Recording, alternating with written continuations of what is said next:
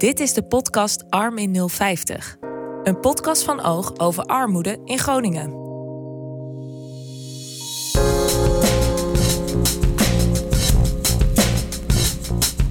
Welkom bij deze derde aflevering van Arm in 050. Uh, mijn naam is Chris Bakker, ik ben 30 jaar oud en ik ben onderzoeksjournalist bij Oog. Bij mij aan tafel zitten Nina Pichel, Richard van Heuvelen en Mark Reinders. Uh, zouden jullie even voor willen stellen? Ja, ik ben uh, Nina Pichel en ik ben uh, coördinator van het Minimaloket bij de gemeente Groningen. Okay. Richard? Ik ben uh, Richard van Heuvelen en ik werk bij Stichting Wij Groningen in de Oosterparkwijk als sociaal raadsman. Mark? Ja, mijn naam is Mark Reinders. Ik ben onderzoeker sociaal domein en ik ben vorig jaar gepromoveerd op een onderzoek naar vraagverlegenheid. De problemen die mensen hebben met het vragen om hulp. Ja. Ja, daar, gaan we over praten. We gaan praten over uh, waarom mensen weinig gebruik maken van voorzieningen en regelingen die de overheid heeft opgezet om mensen te helpen. Uh, een paar maanden geleden was bijvoorbeeld in het nieuws dat uh, ruim een derde van mensen die recht heeft op bijstand, die niet aanvraagt. En ook andere regelingen en voorzieningen die de overheid heeft bedacht om mensen te helpen, worden regelmatig niet gebruikt. Um, ja, Mark, zou je kunnen vertellen wat voor risico's levert het uh, op als mensen uh, daar geen gebruik van maken? Ja, dat is heel divers en er is inmiddels ook heel veel onderzoek uh, naar gedaan. In de eerste plaats natuurlijk voor de mensen zelf die niet om hulp vragen. langer blijven rondlopen met hun problemen, waardoor ze vaak verergeren. nou ja, denk aan sociaal isolement, eenzaamheid, financiële problemen. Komen we denk ik ook nog wel uitgebreider over, over te spreken. en ja, het, punt waarop mensen pas besluiten om hulp te vragen is vaak te laat. Uh, hè, bijvoorbeeld als we het over schuldenproblematiek hebben, gemiddeld pas na vijf jaar dat mensen echt hulp gaan zoeken. Uh, dus dat levert allerlei problemen op, stress, uh, mindere gezondheid, noem het maar op. Maar ook breder voor de maatschappij. Ja, op de langere termijn, als mensen zo blijven rondlopen met hun problemen, dan leidt dat tot hogere zorgkosten. En nou ja, dat willen we met z'n allen niet. Precies. Ja, Richard, jij bent uh, sociaal raads, uh, raadsman bij, de, bij Weijen Oosterpark. Uh, ja, zou je kunnen vertellen wat jouw werk precies inhoudt? Ja, um, nou wat ik, wat ik vooral doe is mensen ondersteunen die, die, die heel veel zaken ingewikkeld vinden, die, die vastlopen in wet en regelgeving. Um, dat komt vaak neer op financiële problematiek. Um, eigenlijk zit daar juridische problematiek uh, omheen en aan vast. Want ja, als je ergens recht op hebt en je weet niet hoe je dat recht moet krijgen, dan krijg je misschien een financieel probleem omdat je inkomen niet meer op orde is. Dus heel veel komt toch neer op uh, de inkomenskant op orde brengen. Uh, uitgavenkant ook. Want je kunt je uitgaven naar beneden brengen, bijvoorbeeld door inkomensvoorzieningen in te zetten. Um, ja, de materiële redzaamheid noem ik het wel eens. Dat is waar, uh, waar ik uh, mensen mee help. Omdat uh, de wereld toch vrij ingewikkeld blijkt te zijn voor heel veel mensen om mee te doen. Vele, veel digitale vaardigheden nodig, veel taalvaardigheid nodig. Ehm, allerlei dingen die, die toch een aantal mensen niet, niet, niet qua basisvaardigheden in, in huis hebben. En die kloppen aan voor hulp. Zou je wat meer kunnen vertellen over die problemen uh, waar ze zoal tegenaan lopen? Um, problemen zijn heel vaak ook al schuldenproblemen. Uh, wat, wat Mark ook al zegt, van mensen melden zich vaak uh, behoorlijk laat. En dan zijn dingen geëscaleerd.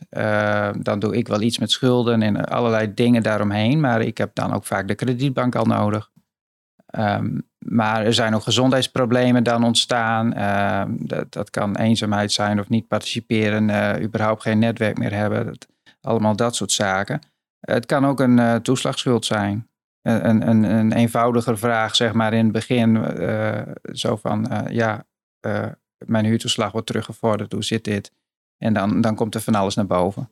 Dat iemand niet digitaal vaardig is, dat iemand niet weet hoe dat überhaupt werkt met toeslagen. Maar daar zit van alles aan vast. En dan kun je de andere voorzieningen meechecken. Blijkt iemand ook niet van op de hoogte. Dus je ziet ook zeg maar de informatiemaatschappij. Het gaat niet iedereen bijhouden. En dat is een vorm van armoede, denk ik. Eh, ik zie jou heel erg knikken, Mark. Uh, vertel. Ja, ik herken het heel erg uh, inderdaad. Dat uh, het vaak zo complex is, inderdaad ook juridisch gezien, dat heel veel mensen inderdaad niet de weg weten te vinden. Ik heb dat zelf ook wel gezien in mijn onderzoek in Den Haag dan binnen het sociaal domein, dat het vaak versnipperd is. Uh, informatie is, is ook versnipperd, is vaak ook niet in de taal van die mensen spreken, hè, letterlijk. Vaak in het Nederlands en niet in het Marokkaans of, of Chinees of nou ja, noem, het, noem het maar op. En inderdaad heel veel bureaucratische obstakels. Dat, dat is ook een van de hoofdredenen, wat althans in mijn onderzoek naar voren kwam, waarom mensen niet om hulp vragen. Maar goed, daar komen we zo meteen denk ik nog, ja. nog verder op. maar ik herken inderdaad heel erg wat, wat Richard zegt. Ja. ja. Ja, want, want Richard, wat zijn volgens jou de, de belangrijkste redenen waarom mensen geen gebruik maken van de voorzieningen? Waar zit dat vooral in? Ja, de belangrijkste zijn, zijn allerlei redenen, inderdaad. Uh, het niet weten. Het gewoon niet weten. Waar zitten die voorzieningen dan? Want heel veel mensen vragen zich wel af: zijn er nog potjes voor? Uh, en hebben dan één kostenpost of zo? Is daar iets voor? Of ze hebben wel iets gehoord en dat blijkt dan al niet meer te bestaan of uh, anders te bestaan. Het is een ander andere regeling geworden, andere naam en voorwaarden zijn veranderd, et cetera. Um, maar er zijn ook veel mensen die überhaupt de, de, voorzieningen niet goed kennen. Die heb je ook. En er zijn nogal wat. Uh, het is een enorme trits. En uh, ja, om dat allemaal te weten en, en, en, te weten hoe het dan ook werkt, dat is voor veel mensen way too far. En voor veel professionals trouwens ook. Voor veel professionals zelfs. Ja, ja. Het, het is wel zo, zoveel en, en, en zo divers dat het lastig is om bij te houden. Helemaal als het je stiel niet is. Precies. Nina, wat zijn jouw gedachten uh, hierover? Ja, misschien uh, kan ik vertellen over wat wij doen. Uh, ik, heb het altijd over de toppers van mijn dreamteam, van het Minima Loket. dat team bestaat uit mensen van, met verschillende culturele achtergronden. Wij bellen de mensen wijkgericht, hè, de minima wijkgericht, om hen te vragen in hoeverre ze op de hoogte zijn van uh, de regelingen en voorzieningen. Die in het mooie boekje uh, mooi meegenomen staan van de gemeente. En dan blijkt heel vaak dat mensen niet op de hoogte zijn.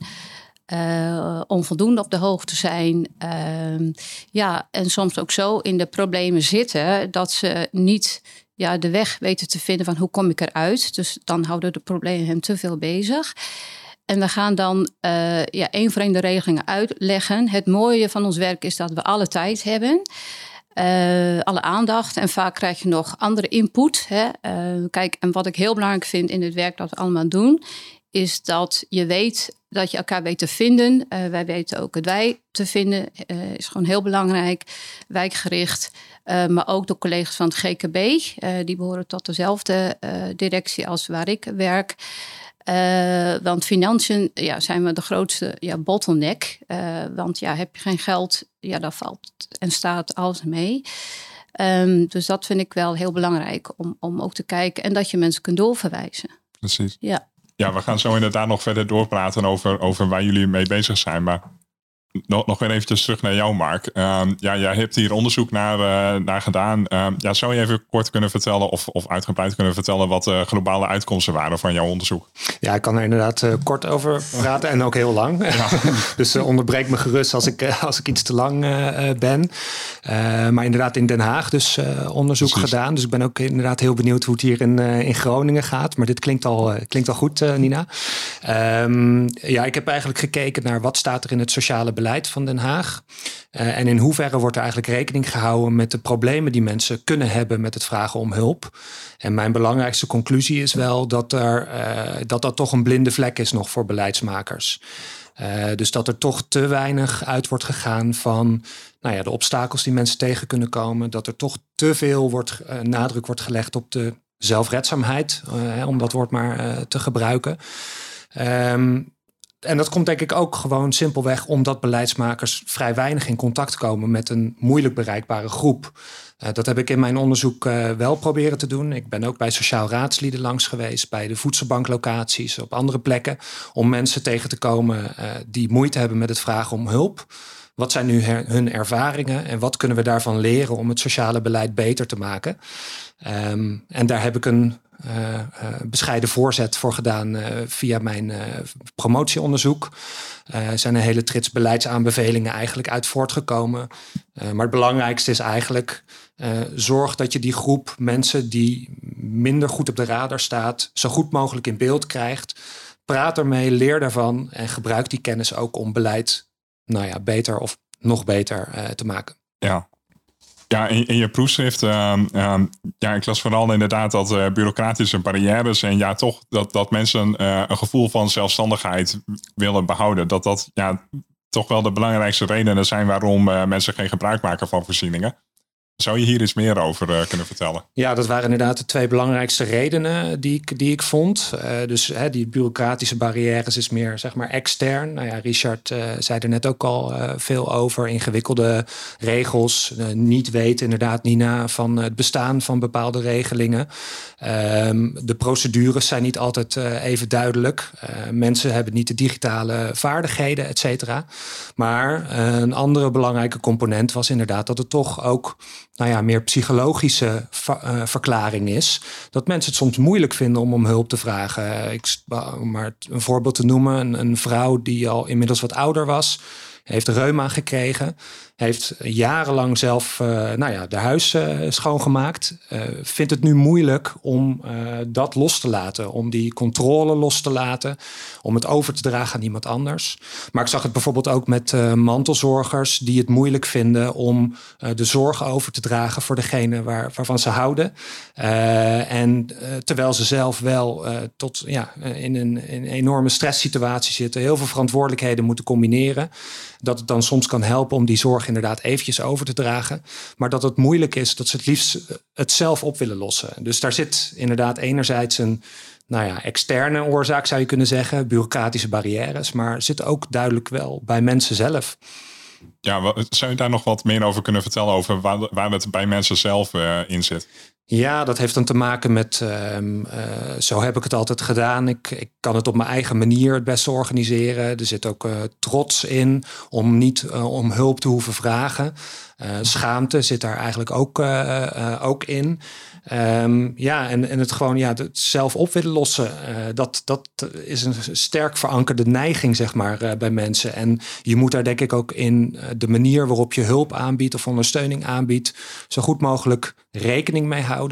En daar zo goed mogelijk op in te spelen. Als ik dan nog even door mag gaan op dat ja, voorbeeld ja, tuurlijk, van de mantelzorger, tuurlijk, tuurlijk. is dan, nou ja, dan vinden ze het misschien moeilijk om, om de zorgen over te dragen. Maar ze vinden het misschien ze vinden het makkelijker om bijvoorbeeld hulp bij administratie of administratieve ondersteuning te vragen. Dus als je daar rekening mee houdt in je communicatie van oké, okay, we, we, kunnen misschien niet de zorg overnemen, maar we kunnen u wel helpen met belastingformulieren, met weet ik veel wat, wat voor allemaal ingewikkelde formulieren er zijn. dan zijn mantelzorgers eerder geneigd om te zeggen van oh nee, oké. En dan kan misschien ook dat vertrouwen wat meer groeien en kun je misschien ook op termijn nog wat meer betekenen voor hen. Maar dus daar moet je goed rekening mee houden. Ja, ja, ja ik, ik kan me dat ergens ook wel voorstellen. Van dan ben je mantelzorger nou ja, van, uh, van een naaste vriend of familielid van, van mijn ouders of, of wie dan ook. Ja, dan kan ik me wel voorstellen dat je heel graag voor die mensen zelf wil zorgen en dat niet uit wil besteden. Maar als het dan met de administratie aankomt, ja, dat is dan een stuk minder persoonlijker. Dus dat kan ik me ook wel voorstellen. En, uh, en dat is vaak ook heel ingewikkeld en uh, moeilijk te doorgronden. Dus daar hebben ze juist ook wel hulp bij nodig. Uh, ja, ja. Precies. Ja, Richard, wat, jij, wat zijn jouw gedachten over wat je nu hoort? Nou, uh, wel interessant om te horen, want uh, ik herken het uh, inderdaad wel. ik dacht even aan een. Ik, ik, had een bewoner gezien een tijd geleden, eigenlijk, nou moet ik denken, twee jaar geleden of zo. En, en, dat viel mij op, omdat dat een bewoner is met een goed inkomen en alleenstaande moeder, ja, werkt. Ehm, ik, ik, ik, dacht direct, hé, hey, dit is mijn doelgroep niet. Dit is apart. Hè? Maar iemand had haar getipt, je moet eens naar Richard gaan, er is misschien iets met de belasting aan de hand.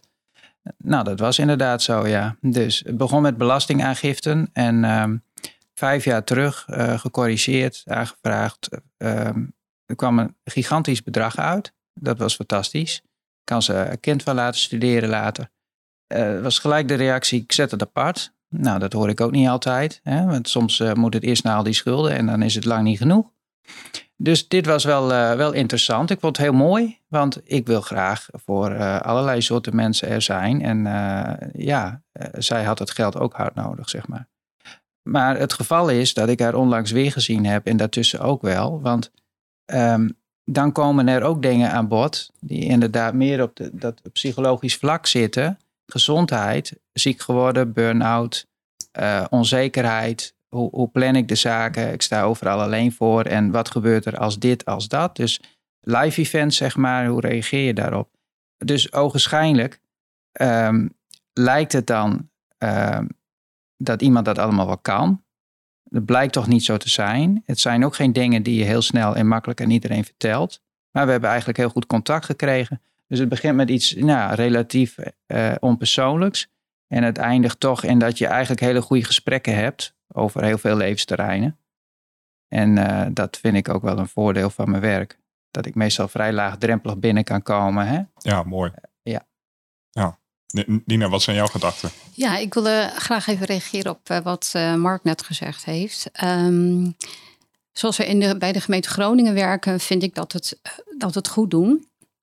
In die zin dat de beleidsmedewerkers van uh, de dienst maatschappelijke ontwikkeling mij weten te vinden als het uh, zeg maar raakt met het terrein waar ik, waar ik op zit. Uh, en dat ze zeggen van oké, kun je als hè, vanuit het minimaloket bet iets betekenen voor ja, een pilot, wat we doen. Dus als je het hebt, kijk, um, beleid maken betekent ook um, ja, meevaren op de actualiteit, de realiteit. Een beleid is niet, ja, dat maak je dan voor vijf jaar, maar elke dag moet je daar natuurlijk wel ja, op, op uh, uh, ja, uh, aanpassen.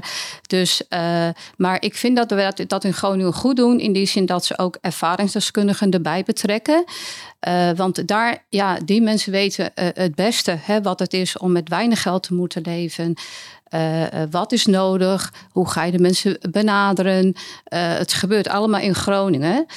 Dus dat vind ik wel heel goed. En, en ehm, Um, want ja, soms heb je het beeld, niet van de collega's hier, maar dat je zegt beleidsmedewerkers zitten alleen maar achter een computer en halen verder niet de input. Maar in Groningen hebben we zeker die wisselwerking en de input en het overleg. Dus ja, daar ben ik eigenlijk heel tevreden over. Want uiteindelijk doe je het allemaal voor, nou, ik noem maar even de doelgroep hè, waar, het, waar het om gaat. Ja, ja precies. Ja, Mark, zou je nog iets meer kunnen vertellen over ja, sociale en culturele factoren? In hoeverre speelt dat een rol? Ja, die heb ik inderdaad, kwam ik ook wel tegen in mijn, uh, in mijn onderzoek. Uh, ik zag in Den Haag wonen, zoals jullie weten, niet alleen maar mensen met een, met een Nederlandse achtergrond, maar ook met een migratieachtergrond. Vrij veel, vrij grote verschillende groepen. dus ik heb inderdaad ook wel gezien dat bijvoorbeeld mensen uit de Chinese gemeenschap, nou ja, een enorme taalbarrière hebben. gewoon vaak geen Nederlands spreken. Dus inderdaad nou ja, daar begint het bijna al, zou je kunnen, kunnen zeggen.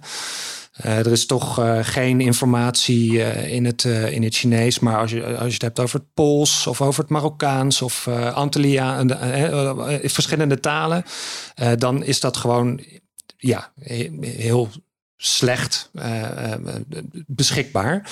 Um, en je ziet eigenlijk overkoepelend, zou je kunnen zeggen, dat uh, in mijn onderzoek kwam ik tegen dat mensen met een niet-Nederlandse achtergrond toch veel e-, extra um, culturele drempels uh, ervaarden. Dan is de taalbarrière een hele praktische, zou je misschien kunnen zeggen. Maar ik kwam ook tegen dat uh, mensen, de Chinese mantelzorgers bijvoorbeeld, het gewend waren om het binnen de familie op te lossen. Dat zag ik ook bij andere, andere culturen. En dat dat een extra drempel voor hen was om toch om hulp te vragen aan, aan Nederlandse organisaties, zeg maar, die in Den Haag actief zijn. Want er, er zijn er een hoop actief. Ja, 4000 in Den Haag. Ja, dat was ja. inderdaad. Het is zo'n cijfer van, uh, nou ja, er zijn 4000 vormen van uh, ondersteuning voor mantelzorgers dan. Ja, ik merk dat ik nu heel veel op de mantelzorgers zit. Maar goed, ook, we kunnen het zo ook hebben over cliënten die, die inkomensondersteuning nodig hebben en in schuldproblemen zitten. Want daar, ja. Die kwam ik ook tegen. maar in het, er is heel erg veel hulp. En dat maakt het eigenlijk des te nou ja, dramatischer misschien wel. Dat mensen die hulp niet weten te vinden. Of niet alle mensen in ieder geval die hulp uh, weten te vinden. Er zijn ook heel wat bij die dat wel uh, weten te vinden. Um, maar over het algemeen zou je kunnen zeggen dat mensen met niet-Nederlandse achtergrond. En dan met name die mensen die ook niet de Nederlandse taal machtig zijn. Uh, extra drempels ervaren. Hè? Dus, dus bovenop de drempels die er al, die er al zijn. Precies. En, en met die andere groepen, die niet-mantelzorgers en, en ook, ook, ook de Nederlandse groepen die je hebt onderzocht, zou je daar wat meer over kunnen vertellen? Ja, die, die um, nou ja, als je het hebt over bijvoorbeeld schuldhulpverlening, uh, dan. Of nou, misschien een ander voorbeeld, de aanvraag van WMO-voorzieningen.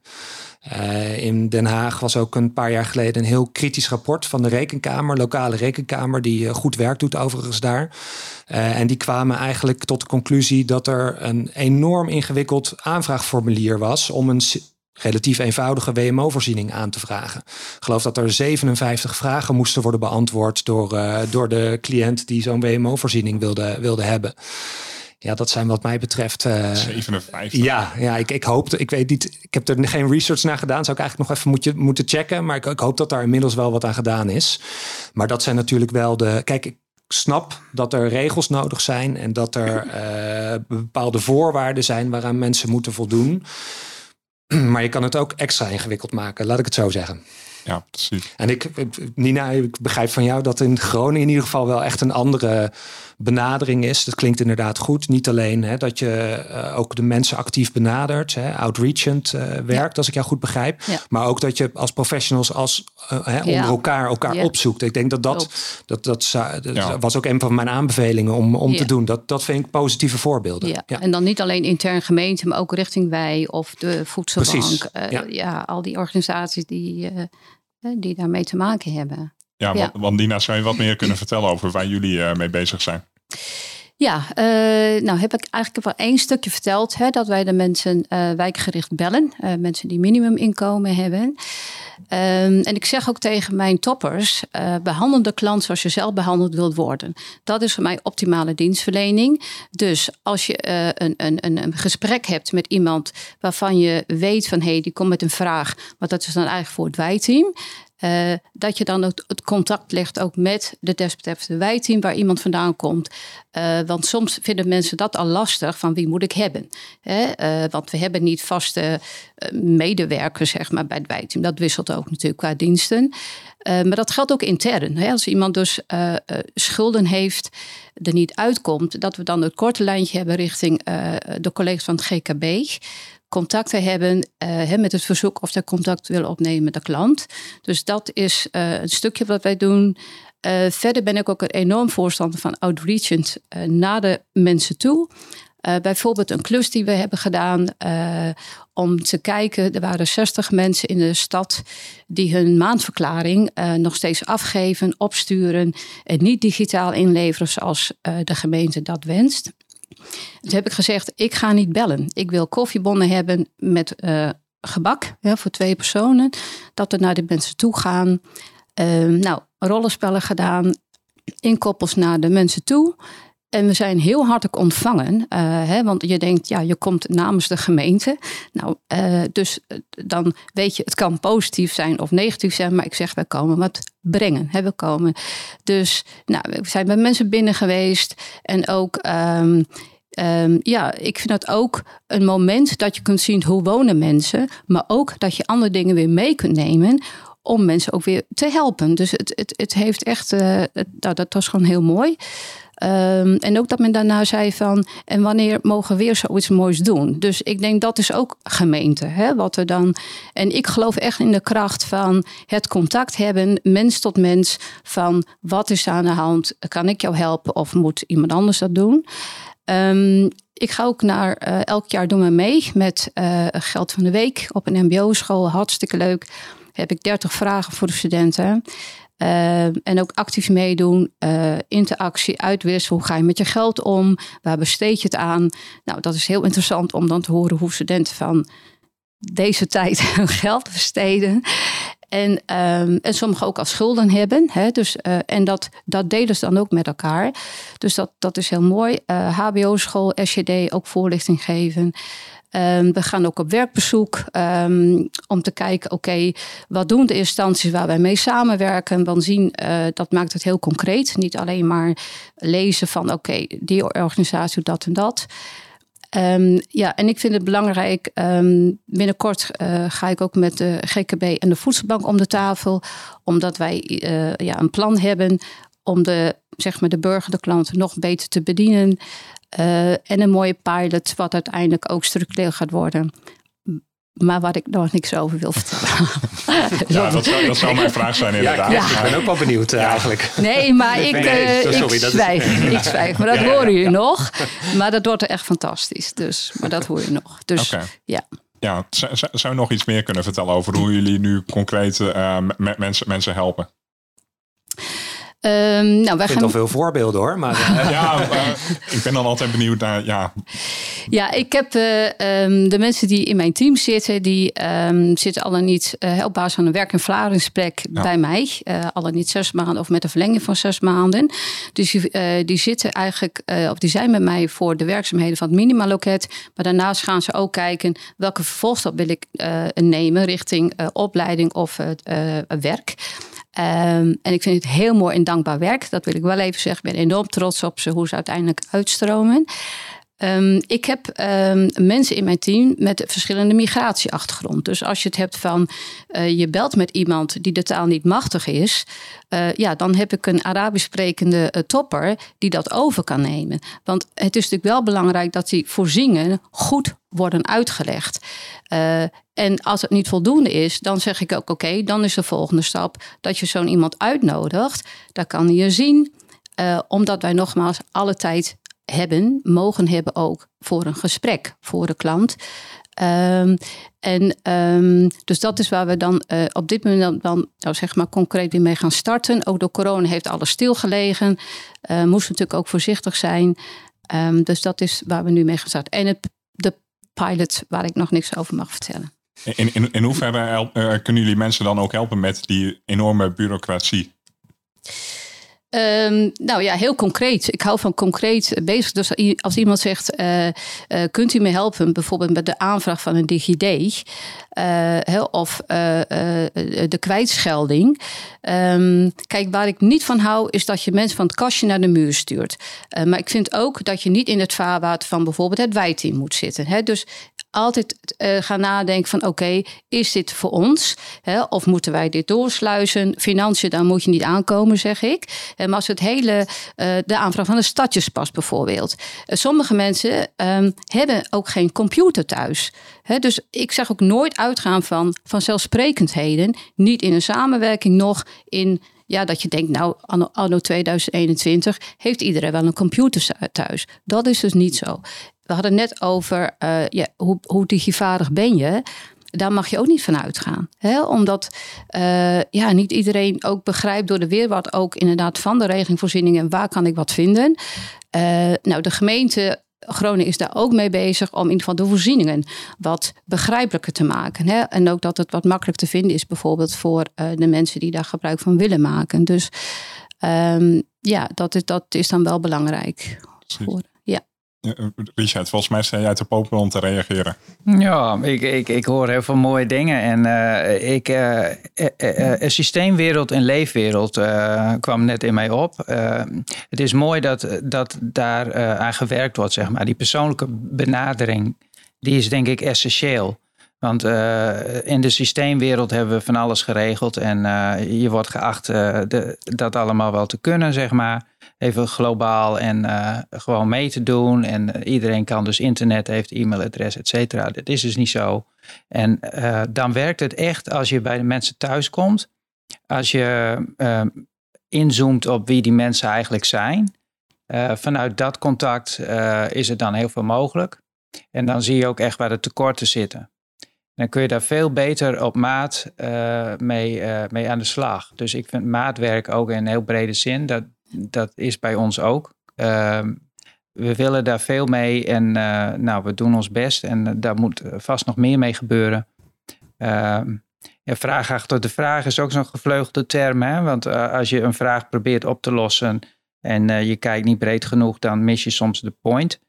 Ehm, dus daar is ook wat in te winnen, maar door de tijd te nemen, en die tijd verdient zich vaak terug, hè? Ja, klopt. Dus daar komt vaak heel veel uit. En uh, dan, dan weten bewoners ook weer andere bewoners misschien mee te nemen. En dan krijg je een ander gezicht, ook als gemeente, maar ook als wij. Dus ja, we, we moeten het wel inderdaad samen doen, want uh, we hebben allemaal dezelfde doelgroep. Mark, wat zijn jouw gedachten? Ik heb heel veel gedachten op dit moment. Uh, maar, maar, ik begrijp goed dat jullie die tijd ook hebben krijgen. Hè? Want als je meer landelijk gaat kijken, dan zie je toch dat uh, nou, decentralisatiebeleid, hè, de, de, de taken die naar de gemeente zijn gegaan, gepaard zijn gegaan met enorme bezuinigingen. Waarvan ook heel veel mensen zeggen, volgens mij ook wel terecht, zijn die bezuinigingen niet te snel al uh, ingeboekt. Hè? Die efficiencykorting, et cetera. Ik zal niet te bestuurlijk worden, maar uh, dat, dat zijn, het heeft toch een enorme impact uh, gehad. Heb ik ook gezien in mijn onderzoek, dat mensen daardoor gewoon hulp niet meer kregen. Uh, en die vertrouwensband die was opgebouwd, die uh, nou, werd doorbroken eigenlijk. Dus moeilijk om weer opnieuw om hulp uh, te vragen. Dus ik vind het eigenlijk wel mooi, Richard en Nina. Ik weet niet of, of jullie er vanuit Groningen over op kunnen bespiegelen. Dat er in Groningen blijkbaar wel, als ik jullie goed begrijp, ruimte, tijd, aandacht is voor mensen, persoonlijke aanpak. Dat zijn volgens mij wel zaken die inderdaad nodig zijn. Maar gegeven die ja, bezuinigingsopgave, of in ieder geval dat we efficiënter moeten omgaan met de middelen, is dat nog wel eens lastig. Maar dat, dat lukt aardig of niet? Dat is mijn eerste gedachte die nu, uh, of vraag eigenlijk die nu, die nu opkomt, zeg maar. Ik vind dat wel interessant om te horen. Hè? Hoe je in dat, in dat spanningsveld toch zo goed mogelijk probeert te opereren. En dit toch zo goed mogelijk mensgericht ja. probeert te organiseren. Uh, nou, de mensen die mij kennen binnen de gemeente. Die weten hoe ik een beetje in elkaar steek. En als ik ergens in geloof, vanuit mijn passie. En je weet waar je het voor doet. Ja, dan ga ik me er hard voor maken. En dan is het ook heel belangrijk dat je uh, een directeur hebt die achter je staat, maar ook hoe je als directie wilt gaan werken. Uh, Richard noemde net maatwerk. Nou, niets is zo belangrijker dan maatwerk bieden binnen de gestelde kaders, maar soms uh, denk ik ook buiten de gestelde kaders. Als je daar iemand mee kunt helpen en je kunt het goed verantwoorden, dan moet je het gewoon doen, vind ik. Uh, en niet alleen ik, maar uh, ja, het is het spanningsveld, natuurlijk op verschillende niveaus. Um, maar ja, ik zal nooit opgeven om, om te zeggen, bijvoorbeeld met het wijteam, als je het gaat werken zo samen, ja, waarom dan niet? En tuurlijk, regels moeten er zijn, maar ik vind ook dat je, dat je niet moet laten verlammen door de regels die er zijn. Um, en ik wil nog even kort aanstippen dat mensen die, zeg maar uit een ander land komen, die hebben weer, uh, wat Richard ook zegt, andere systemen. Uh, dus die moeten dat ook snappen, hoe dat in Nederland werkt. Al die regels, de aanvraag. Ik heb onlangs iemand gehad, nou, die kreeg een aanslag van 2019, 732 euro te betalen. Uh, gemeentelijke belastingen. Ja, die schiet helemaal in de stress. Hoe ga je een bezwaar, hoe ga je een bezwaarschrift indienen? Dus ik heb hem geholpen met alle kopieën erbij toegevoegd en ook aangetoond dat hij niet grotendeels zeg maar, op het adres heeft gewoond waarvoor hij de aanslag heeft ontvangen. Maar je moet het maar net even kunnen doen. En, op, en dat ik vind, ja, goed, uh, je steekt de tijd in, maar je weet ook van, oké, dit gaat weer goed komen. Maar iemand die uit Syrië komt, die snapt dat niet. Die schiet helemaal van hoe dan? En, en, dus, dus het is om een voorbeeld te noemen van dat we niet uit moeten gaan van vanzelfsprekendheden. Want mensen hebben ook uh, mensen die verlaten nou hun land, om wat voor reden dan ook. Dus je hebt naast de psychische problemen, al dan niet als je alleen, alleen komt of met een gezin. Maar mentaliteit, ja, het komt ook op mentaliteit aan. Hè? Hoe deel je met je problemen en, en de balans vinden en een hele andere wereld, andere omgeving, de taal. Uh, dus ja, het is gewoon niet zo eenvoudig eigenlijk. Nee, volgens mij is dat wel ja, een mooie afronding. Of hebben jullie nog iets uh, toe te voegen, heren en dames? nee, ik denk dat we, dat we heel veel hebben besproken. Ja, wat mij betreft kunnen we hier nog veel, veel ja, langer over. Dat wou ik net zeggen. maar uh, ik weet niet of de luisteraars. Ja, we kunnen altijd wel, uh, precies. We kunnen altijd wel weer een nieuw onderwerp aanboren. Want uh, ja, in principe is dit zo groot. Daar kun je ja. weken over praten. Ja, dat nieuwe onderwerp, dat hebben we al. Want Richard, wij, wij gaan ja, voor de volgende podcast praten over laaggeletterdheid. Uh, nou ja, wat zo'n groot uh, thema is in dit hele armoededossier, uh, daar gaan we een aparte podcast over opnemen. Um, ja, voor nu hartelijk bedankt aan jullie alle drie. bedankt voor het luisteren en tot de volgende keer. Leuk dat je luisterde naar de podcast Arm in 050. Dit onderzoeksproject wordt mede mogelijk gemaakt door het Stimuleringsfonds voor de Journalistiek en de provincie Groningen. Wil je meer weten over het armoedeproject van Oog? Kijk dan eens op armin050.nl. Tot de volgende aflevering.